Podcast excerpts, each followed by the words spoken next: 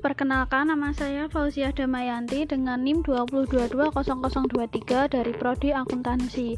Saya akan membacakan soal dan jawaban dari soal 6 UTS. Pertanyaan dan jawaban nomor 1. Jelaskan gambar 6 di samping ini. Gambar 6 di samping itu menjelaskan mengenai keamanan komputer yang meliputi tiga hal yaitu integrity, confidentiality, dan availability. Integrity merupakan bentuk pencegahan bahwa informasi tidak boleh diubah tanpa seizin pemilik informasi, dan informasi yang diterima harus sama seperti informasi yang dikirim.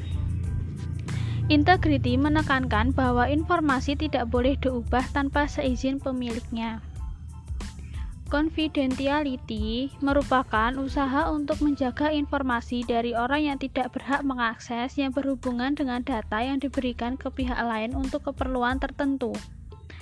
Availability adalah hubungan antara ketersediaan data dan informasi data yang tersedia dalam sistem komputer untuk dimanfaatkan oleh orang yang berhak.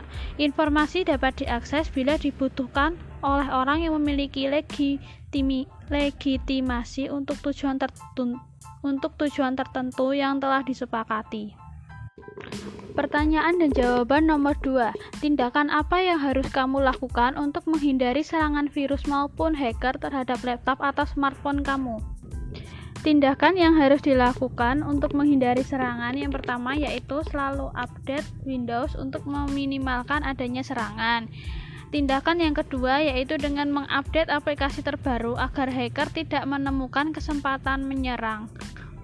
Yang ketiga, menggunakan software antivirus, terutama apabila komputer sering memakai internet.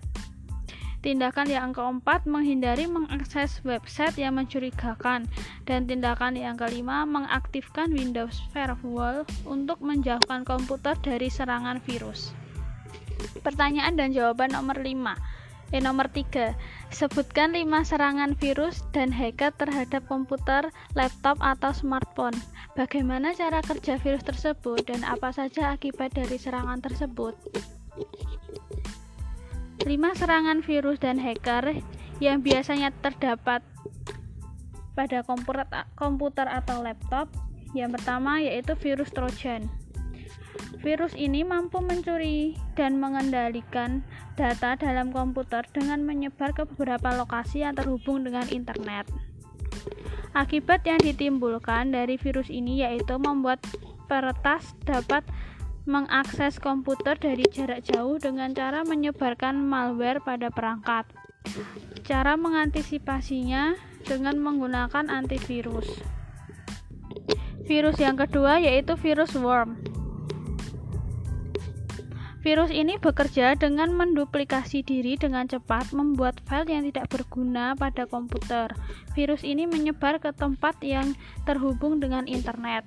Akibat dari virus ini membuat memori penyimpanan cepat penuh, sehingga sistem komputer menjadi cepat rapuh.